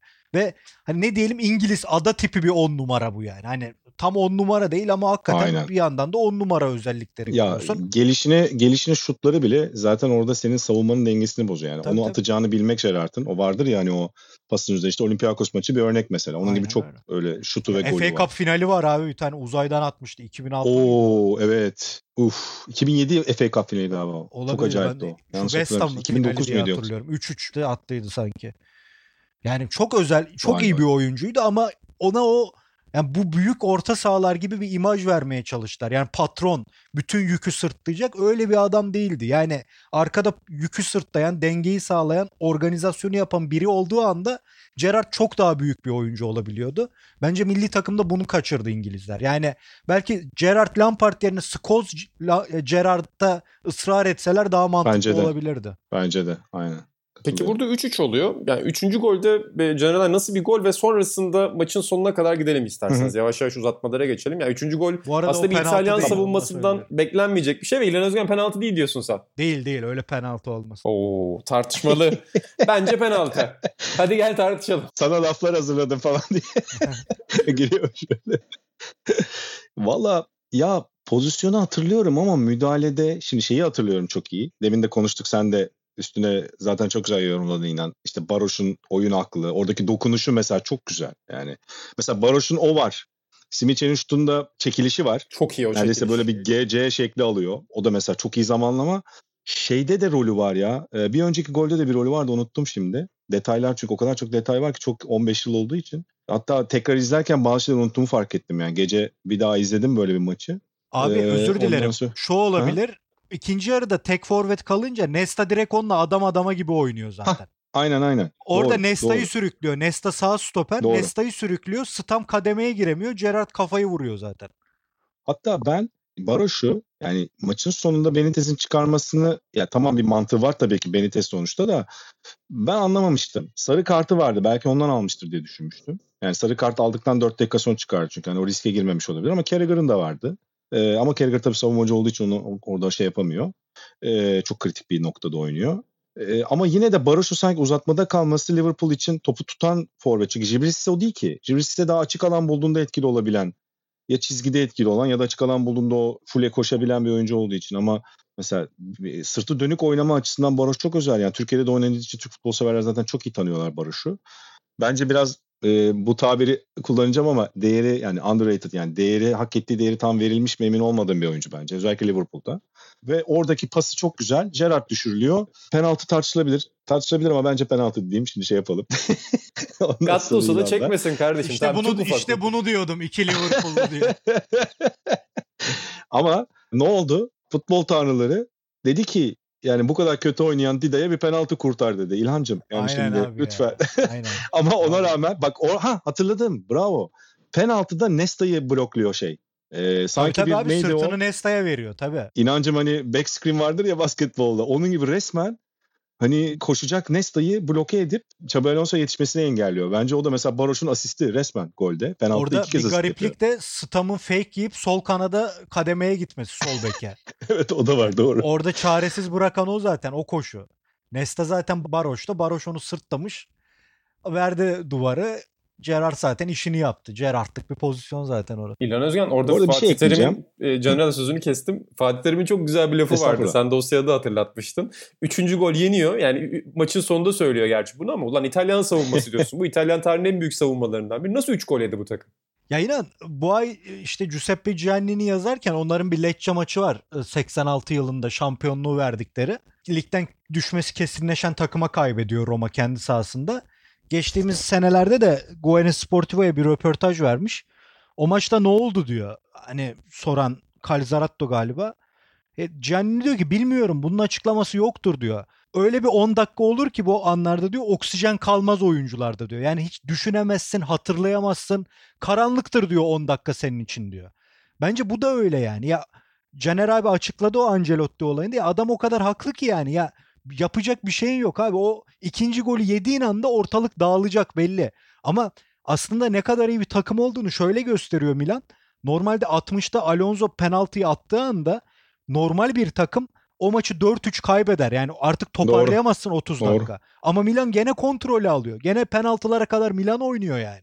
O kadar aslında iyi bir kurgu ki o takım. Maçın sonlarında gol de kaçırıyor Milan hakikaten. Tabii, Yani. tabii abi uzatmada da Şevçenko göbeğine vuruyor ya Dude'yi İşte, işte. E, demin bahsettik Traore şeyden çıkardı çizgiden. E, şeyin vuruşunu. Şevçenko'nun vuruştu ya da Crespo muydu? Yani. Crespo'nun galiba. Tabii tabii o da var doğru diyorsun. Yani Milan gene iyi futbol oynuyor. Bu arada şeye bir not da vermek isterim nacizane. Bence güzel bir not o. Milan'ın o kadar görkemli kadroları var. Hakikaten demin İlhan biraz bahsetti konuştunuz. Yani kaleci mevzusu büyük bir kangren. Yani Yok abi. e. Galli vardı. Ben ilk Milan'ı izlediğim dönemde. Bu arada ben Aynen. Milan'a çok sempatim vardır yani o dönemde. Van Basten'i, Gullit'i falan çok sevdiğim için o takım süperdi. Kim sevmez yani o Milan'ı zaten. E, Sacchi'nin Milan'ını.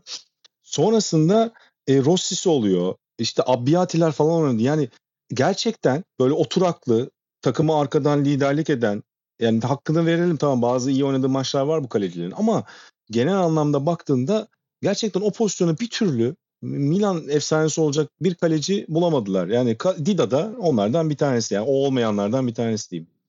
Yani Juventus'un tam tersi bir kaderi oldu Evet. diyelim. Yani Juventus kombiden beri 1930'lardan beri bir kaleci kültürüyken Milan'da yok ya 60'larda 70'lerde yok ya hiç hiçbir zaman. yok. Oralarda da yok değil mi İlan? Yani o, Yok o abi, nereye Rocco Alber- yazmıştın. Bu arada sen o- Kazma, o, yazı da çok Kazma güzeldir. Albertosi Ee, var hı. abi. Kazma Albertosi'ye kaleci diyorlar 70'lerde işte. Kalas'ın tekidir şikeci. Peki burada Halbuki Kudic- İtalya'nın olağanüstü bir kaleci ba- kültürü var, geleneği var. Tabii tabii. Kudicini'nin babası var işte Rocco döneminde. O oynuyor. Yani dönemine göre çok iri, çok büyük bir kaleci ama iyi bir kaleci değil.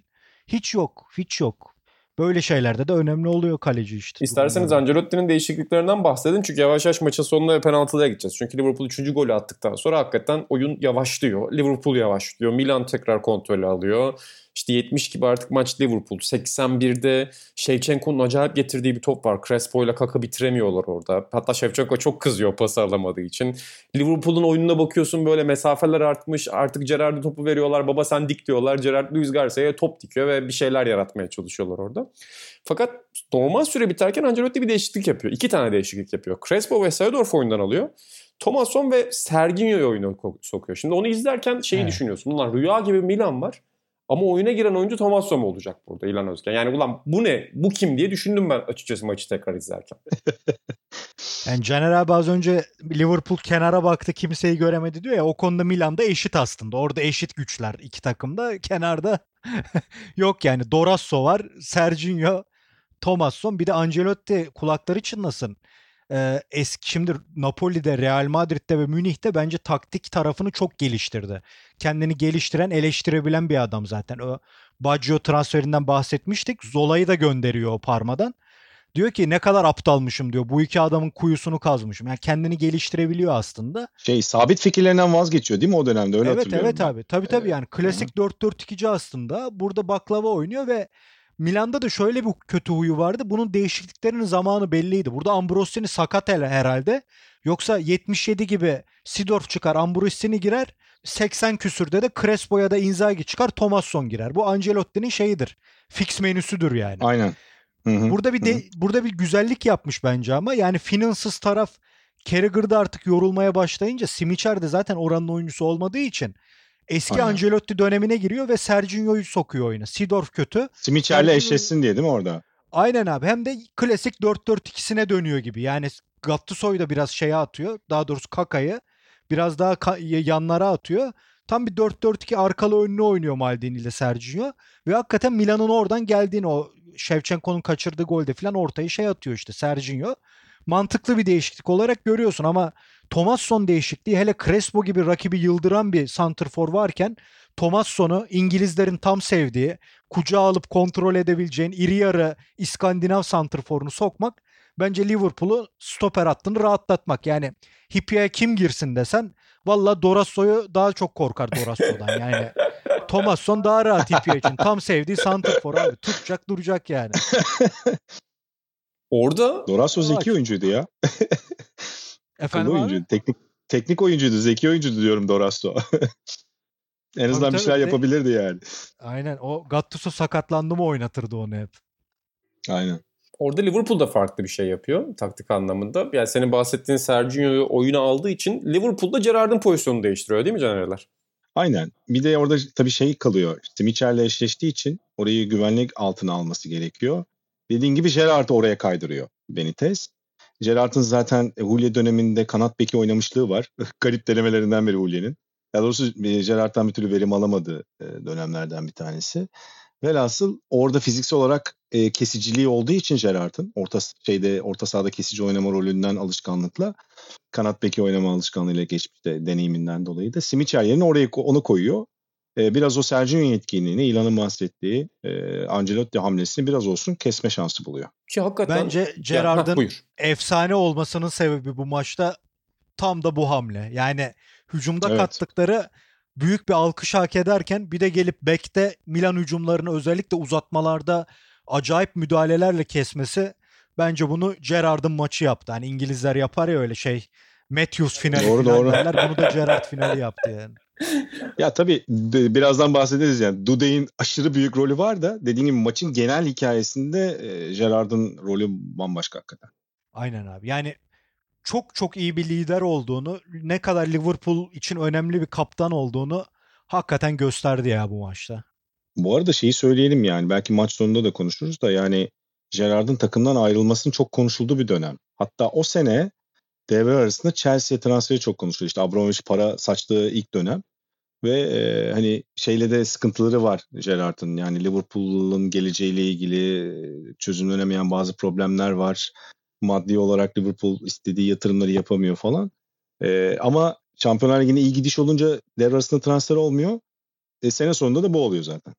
Yani biz Gerard'ı bir Liverpool bayrak adamı olarak kariyerini biterken göremeyebilirdik. Ee, bu maç belki böyle bitmese.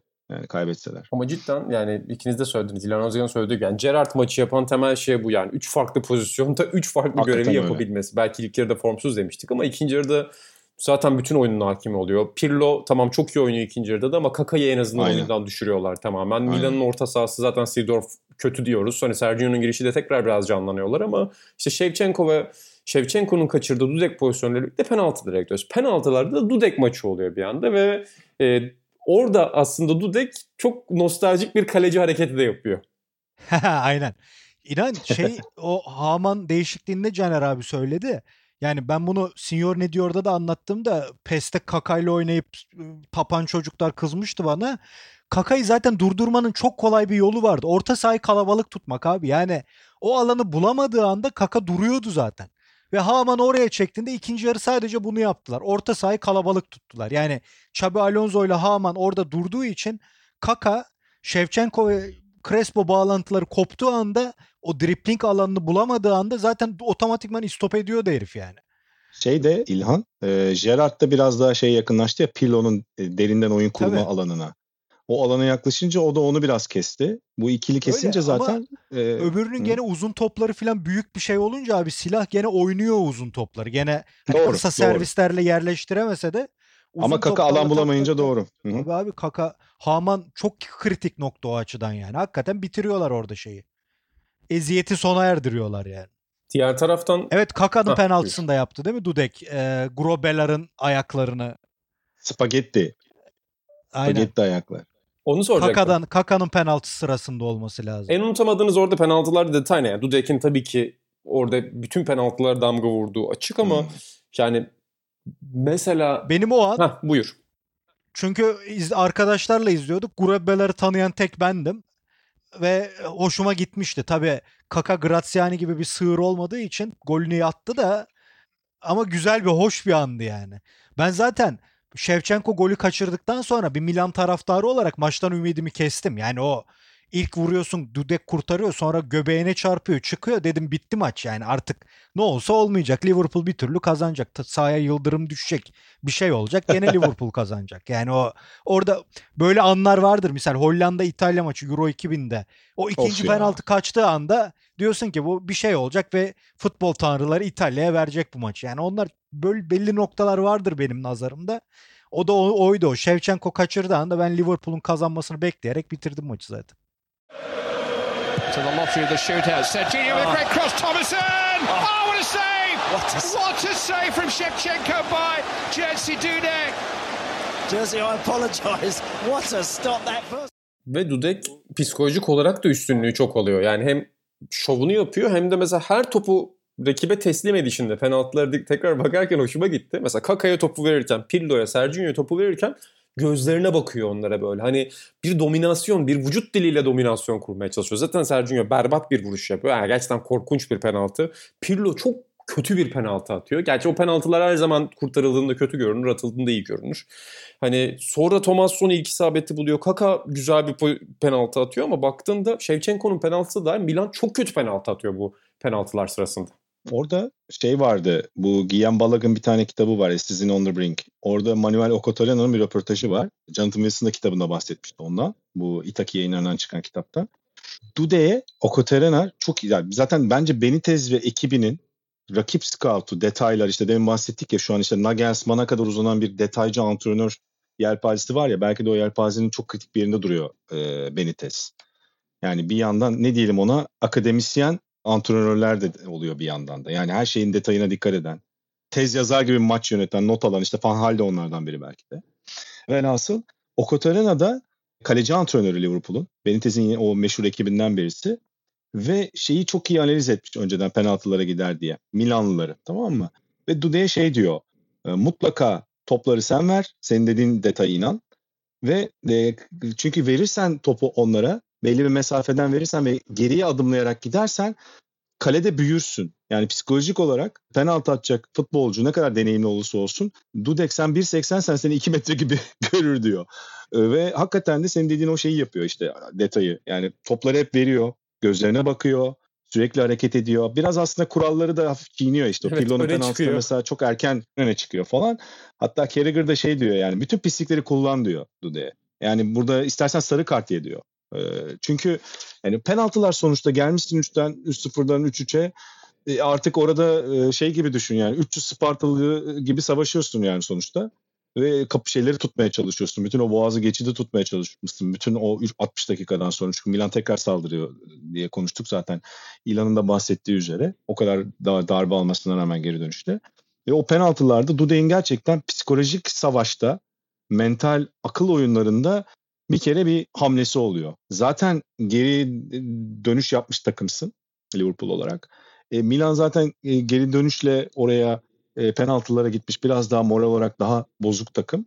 E, bir de bu olunca e, Serginho mesela dedik. İşte Serginho o Juventus iki sene önceki finalde ilk penaltıyı atan adam. Belki de o yüzden ilk penaltıyı attırdı Ancelotti. Hani psikolojik olarak o zaman attı zaten tekniği çok iyi. Ayak tekniği iyi olan bir oyuncu. Bir de çok rahat E, onu bir attırdı. abi. Dünya yansıtımında değil. Bravo aynen. O vurdum duymazlık penaltılarda iyi oluyor. Psikolojik olarak baskıyı Tabii. kaldırıyorsun. Pirlo çok teknik bir oyuncu. Yani Bergkamp tekniği, işte o teknik ailede e, futbolcu ağacında olan bir oyuncu. E, mesela şimdi işte sen demin dedin Giannini e, yazdım dedin. Bu arada hafif tiyolar da verebiliriz yani. Haziran sayısında Bergkamp, Henry ana konularımızdan olacak.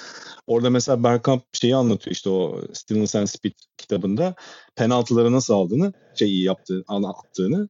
Köşeyi seçiyor ve önceden seçiyor, önceden seçip atıyor. Ve hiçbir şekilde duraksamayı sevmem ben diyor. Yani çünkü psikolojini belli etmemen lazım kaleciye. Kaleciyle o psikolojik olan mücadelende net olman lazım diyor. Ama burada mesela o rakip psikolojisini bozan bir Dudek oluyor. Hakikaten kahramanlaşıyor. Bir de ben Liverpool şeyinde bu şeyi seviyorum. Geçen sene de United maçında oldu galiba. Ee, bütün sahayı koştu ya gol attıktan sonra. Salah mı koşmuştu? Yok şey Firmino mu? Salah koştu. Aynı şeyi e, yıllar önce Liverpool'u başka bir yıldız oyuncu yapmıştı. Unuttum şimdi o hikayeyi. Bak kafa gitti.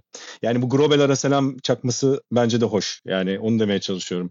Liverpool tarihi bu anlamda o kadar zengin ki oyuncuların o tarihi bilip bence Dudek'in o tarihi bilmesi, Grobel'in o hareketlerini bilmesi kaleci olarak ve onu o finalde yapması da bence bu finalin hikayesine, anlatısına başka bir şey de ekliyor bence. Değer de ekliyor. Zaten yani, Biraz Liverpool ro- romantizmi de ekliyor yani. Zaten hani Şevçenko'nun kurtardığı pozisyon da maçın pozisyonu yani. Sadece penaltı değil. O işte İlhan Özgen az önce yıldırım Üf, düşer evet. diyor ya. Aa evet. Yani orada Tabii. Evet. işte hani hakikaten topu 117. dakika. yani bir kurtarıştan sonra Ben kalktım saniye içerisinde ya. kalkıp Ben ondan sonra kurtarması- izlemedim doğru. İnanılmaz bir şey yani orada. Ve zaten yani penaltılarda da işte bahsettiğimiz gibi penaltılar sonra Smicer e, ters köşeye yatırıyor Dida'yı. Arkasından Shevchenko son penaltı atıyor. İşte o Kaka'nın penaltısından sonra Smicer attıktan sonra Shevchenko son penaltı atıyor. Ve Liverpool kazanıyor. Yani işte İl- İlhan Özgen'in ben kalkıp gittim dediği Liverpool hakikaten Tanrı'nın da desteğiyle birlikte maçı kazanmış oluyor. No second chances if Shevchenko misses. He saved it! The European Cup is returning to England and to Anfield. Liverpool are champions of Europe again. Peki sizin yani çok kısaca soracağım hafif böyle uzattık 90 dakikayı artık geçtik uzatmaları oynuyoruz biz de. Sizin peki e- en unutamadığınız maçtaki görüntü hangisi? Yani ben şu görüntüyü bu maçtan hiç unutmuyorum dediğiniz bir yer neresi? Ya ben ne olursa olsun şu Crespo'nun son golü ya. O vuruş muhteşem vuruş abi. yani o maç hep benim için üzüntüyle hatırlanan bir final olarak elbette kaldı ama ya o vuruş çok tatlı bir vuruş. Bir de ben bu fantazi işleri severim biliyorsunuz. E, O çok önemli. Bir de Gerrard'ın işte her mevkide oynaması da o bir görüntü değil ama o Crespo'nun kale arkasından tekrardaki o vuruştaki o pikeyi yapması, topun altına girmesi muazzam bir şey ya. Harika. Benim Gerrard'ın o kafa golüne çıktığı an ve işte kafa golünün havadaki duruşu arkasından da ellerini böyle iki elini yukarıya kaldırarak hadi beyler e, gidiyoruz. Mesela Tuncay Şanlı, Hasan Şaş falan da onu çok yapardı. Galatasaray gol atardı. Hasan koltuk beyler, altına aynen. topu alıp eğilerek böyle giderdi. Aynı şekilde güzel durmuyordu tabii yani. Onu söylemek lazım. Gerrard'ın orada mükemmel bir görüntüsü var. Yani bir son fotoğraf gibi o maçtan. Benim için o öyle. Canerler senin için? Bunlar güzel bence de. Yani ben de bunları söylerdim. Şeyi ekleyeyim. Çünkü maçın tabii ki kritik hamlelerinden biri. Yani en kritik belki de hamlesi. Zaten Şampiyonlar Ligi tarihinin de e, en önemli kurtarıcı seçilmişti yanlış hatırlamıyorsam. Yani Dudek'in o demin konuştuğumuz 117. dakikada ikinci hamlesi özellikle. O hani ilk vuruşu yapıyor, kurtarıyor. ve Shevchenko'nun önüne geri sekiyor. Altı pasın içinde ve vuruşta herkes şans diye yorumluyor ya aslında mesela onu. Onu kaleci antrenörlerin bazı yorumları var. İşte Okotaren onlardan biri. Birkaç tane daha var. Ee, şey diyorlar yani dikkat edin diyor. Dudek diyor e, kaleci eğitimi olarak çok iyi bir eğitimden geçtiği için diyor. Liverpool'da da bizle çalışırken de çok dikkatli ve antrenmanları çok iyi yapan bir kaleciydi diyor. Okotaran'ı da ve şeyi söylüyor. Yere değil hafif şey yapıp e, duvar olmaya çalışır diyor. Kaleci eğer ikinci hamlede yere doğru hamle yaparsa yani yere doğru uzanmaya çalışırsa kurtarma şansı daha düşük olur. O anda o milisaniyelerde doğru kararı vermek için kalecinin yani doğru verdiği doğru karar şu olur diyor. Ayağa kalkabilmek ya da en azından olabildiğince dik dik durabilmek. Çünkü o zaman duvar olursun vuruşta diyor ve vücudunun bir yerine temas edebilir, ellerini de açman gerekir diyor. Aslında orada bir kaleci, iyi bir kaleci refleksi gösteriyordu Dek. Bence o çok kritik ve zaten belli kamera açılarından baktığında gerçekten bir kurtarış o. Yani evet tabii ki Shevchenko biraz daha topun dibine hafif girse ve tavana asabilirdi yani. Ama sonuçta öyle vurdu ve olabildiğince optimum bir şekilde yani kaleyi kapamaya çalışan bir Dudek ikinci kurtarışı yaptı. Tarihin herhalde en beklenmeyen gol kaçırışı diyebilir miyiz? Ya da en ağızda açıkta bırakan işte İlhan diyor zaten ben çektim gittim diyor. Bir şey UEFA finalinde yakın zamanda onun da yıl dönümüydü. Yani Henry'nin kafa vuruşuna Tafarel'in kurtarışı da onlardan biri olabilir herhalde. Çok acayip bir kurtarıştı o da mesela. Aklıma gelen çok vardır yani bu tip kurtarış da. Ama Dudek'inki tarihi önem olarak 3 dakika kalmış. Saçmalık yani o kurtarış mesela. İkincisi özellikle. Ben de aklımda hep onunla tutuyorum. Tabii ki dediğiniz görüntüler de bence çok önemli. Ama onu da eklemiş olayım çünkü Dudek e, o anlamda hakikaten çok özel bir kahraman o geceyle ilgili. Ki ondan sonra Liverpool'dan ayrılıyor bu arada biliyorsunuz. Yani ve hani kariyerinde o seneyi çok aşırı iyi geçirmeyen bir kaleci. Ama bazı kaleciler de böyledir yani kariyerini iyi geçirir, çok iyi geçirir. O maçı iyi oynayamaz. Dudek de belki de kariyerinde en iyi oynaması gereken maçı, tek en iyi oynaması gereken maçı çok iyi oynayıp bir kahraman olarak anılacak hep. Ee, yavaş yavaş Dida hiç iyi bitirelim. Hah, oynamadan- buyur. Buyur İlhan. Dida hiç iyi oynamadan kariyerini bitirdi misal yani. Hep bir kere bir işe yaramadı. Evet yavaş yavaş hani zaten maça dair çok fazla detay konuştuk. Yani daha 2 saat 3 saat daha gideriz ama yavaş yavaş artık son noktaya doğru geldik e, Aynen. Liverpool Milan finalinde. Birçok detaydan bahsettik zaten. Benim için de Fatih Terim finali olarak garip bir şekilde hatırlanan finaldir. Yani keşke o maçın Türkçe bir kaydı olsa da tekrar izleyebilsem. Yok- diye yok çok değil mi? istedim. Maalesef. evet, üzücü. Özeti bile yok galiba abi ya Türkçe. Yanlış hatırlamıyorsam e, Fatih Terim şeyi de yorumlamıştı. 2006 Barcelona Arsenal. Şeydeydi o maç Park de Prince'te. Hatta e, Olabilir. maçın başında girişinde Fatih Terim nasıl metro ile geldiğini anlatıyordu değil mi o maçta? O da mesela bak aklımda yer etmiş. Çünkü herkes e, zor geliyordu Paris'in o kuzey trafiğinde, e, periferik yani otoyol trafiğinde. Fatih Terim metro kullanmanın öneminden bahsetmişti maçın girişinde onu hatırlıyorum. yani öyle güzel yayın anıları da var. Diğer taraftan da yani bu finali herhalde tarihin en iyi Şampiyonlar Ligi finali ilan edebiliriz. Zaten işte bu, bu ayki dergide de ondan bahsediyoruz yani. Bütün ekip siz, sizler de o ekibin parçasınız. Sorulduğu zaman yani 2005 Liverpool Milan finali tarihin en iyi finali diyor ve yani biz bu maçı tekrar bu program için izlerken de gördük ki bu sadece skorla ya da geri dönüşle ilgili değil. Bütün maç çok güzel, çok tansiyonlu, çok yoğun. Yani futbol kalitesinden şundan bundan da ayrı bu maçı izlerken o yoğunluk çok önemli. Zaten işte İlhan Özgen'in bir cümlesi var. 1960'tan beri bütün finalleri, Eintracht Frankfurt, Real Madrid finalinden beri bütün finallere bakın. Açık ara en iyi finaldi diyorsun öyle değil mi? Evet yani şöyle bir e, örnek daha vereyim. Ben genelde günde iki eski maç izlemeye çalışıyorum. Yani Bastia maçı bile izliyorum buldum mu. Ne olursa olsun bunu gece izlediğim için bu maçları birden ikiden sonra bir saate bakarım. Ulan ne oldu ne zaman bitecek filan. Dün bu program için bir daha e, maçı taktım. USB ile televizyona bağlandım. Benden birkaç dakika sonra da Caner abi bağlandı maça. Hatta birlikte izledik neredeyse şeye eş süreli. İnan hiç saate bakmadım. Yani en son Caner abi bir daha mesaj atmış mı diye onu kontrol için telefonu aldım elime. İnan yani tekrar ben daha önce bir kere daha izlemiştim. Canlı izledim. iki kere izlemişim. Dün üçüncüye izledim ve gene saate bakmadan bitirdim penaltılara kadar. iki buçuk saatlik süreyi. Hiç o açıdan çok önemlidir bu eski maçlar benim adıma. O saate baktırmıyorsa sana demek ki efsaneymiş o maç derim. Hakikaten öyleymiş ya. Gene anladım yani. Hakikaten. Bir de çok üzüldüm ama ben Liverpool'u hep size de takılıyorum. Ben Liverpool'u çok severim. Yani bu liman işçileri güzellemesi yüzünden Liverpool güzelleyenlere kıl oluyorum ben. Liverpool babam yüzünden de tabii. E ben çocukken de o Barnes'ların filan McManaman'ların takımı vardı. Caner abi de çok iyi hatırlar o takımı. O da çok tatlı bir takımdı. E, Redknapp'lar filan. Evet. Aynen, Aynen. yani o hep güzel oyuncular, iyi oyuncuları vardı. Geçmişten Douglas, babam bir Douglas delisidir. Ee, Souness delisidir. İşte Clemens'i severim. Çok iyi bir kaleci olarak görmesem de filan. Onun için mutlu olmuştum bir bakıma da ama Milan'ı daha çok sevdiğim için daha doğrusu bir şok vardı. Üzüntü de değil. Ulan ne oldu yani? Ne oldu şimdi durup dururken diye. Hakikaten şok yani. 2007'deki finale ben çok sevinmedim. Çünkü bütün enerjimi, bütün o futbol orgazmımı diyeyim Manchester United maçıyla çıkarmıştım. Yani o inanılmaz bir ezici maçtı. Orada keyfine vardım. Finalde hiçbir his olmadan finali izlemiştim 2007'de. Doğru 2007'de rövanş da alındı. Can abi senden Bak, son o Milan takımlar 2000 çok o- yakındı. İnan o Milan 2006'da da Barcelona'ya hakemle elendi bak. Yani orada da gidiyordu gene. Hani Doğru, damga o da vurmak var, diyoruz doğru. ya bir süre. Şevçenko'nun golünü Sonra- Puyol'a faul yaptı diye vermedi hakem. Elendi orada Milan. Can abi senden de Ber- son yorumunu Berlusconi alalım. para Berlusconi para musluğunu kesince 2000'lerin sonunda bitti olay. Peki Aynen öyle. e, inancım son soruna aynen cevap verelim. Dediğin gibi. Son sözünü de alayım hakikaten. senden. Süremizin artık sonuna geldik ve kapanışı Tamam. sana bırakayım burada. Ve oradan da Ya ben Liverpool kapatalım. sempatizanı olduğumun dışında futbol sever olarak yani futbol izleyen bir insan olarak da bence bu final tarihteki en acayip final tabii ki yani. Hani sizin İlan'ın da görüşüne, senin de görüşüne katılıyorum. Yani bunun e, söylemekte beis yok. Şey tabii ki yani Milan Barcelona var, Manchester United, Bayern Münih var. Hani yakın en azından 90'lardan kalan finaller olarak ama ya bu maçın hikayesine, bu maçın e, daha o 30-40. saniyesinden Dude'nin o son e, kurtarışına kadar olan bölüm sürecine denk gelecek bir maç yok hakikaten şey olarak.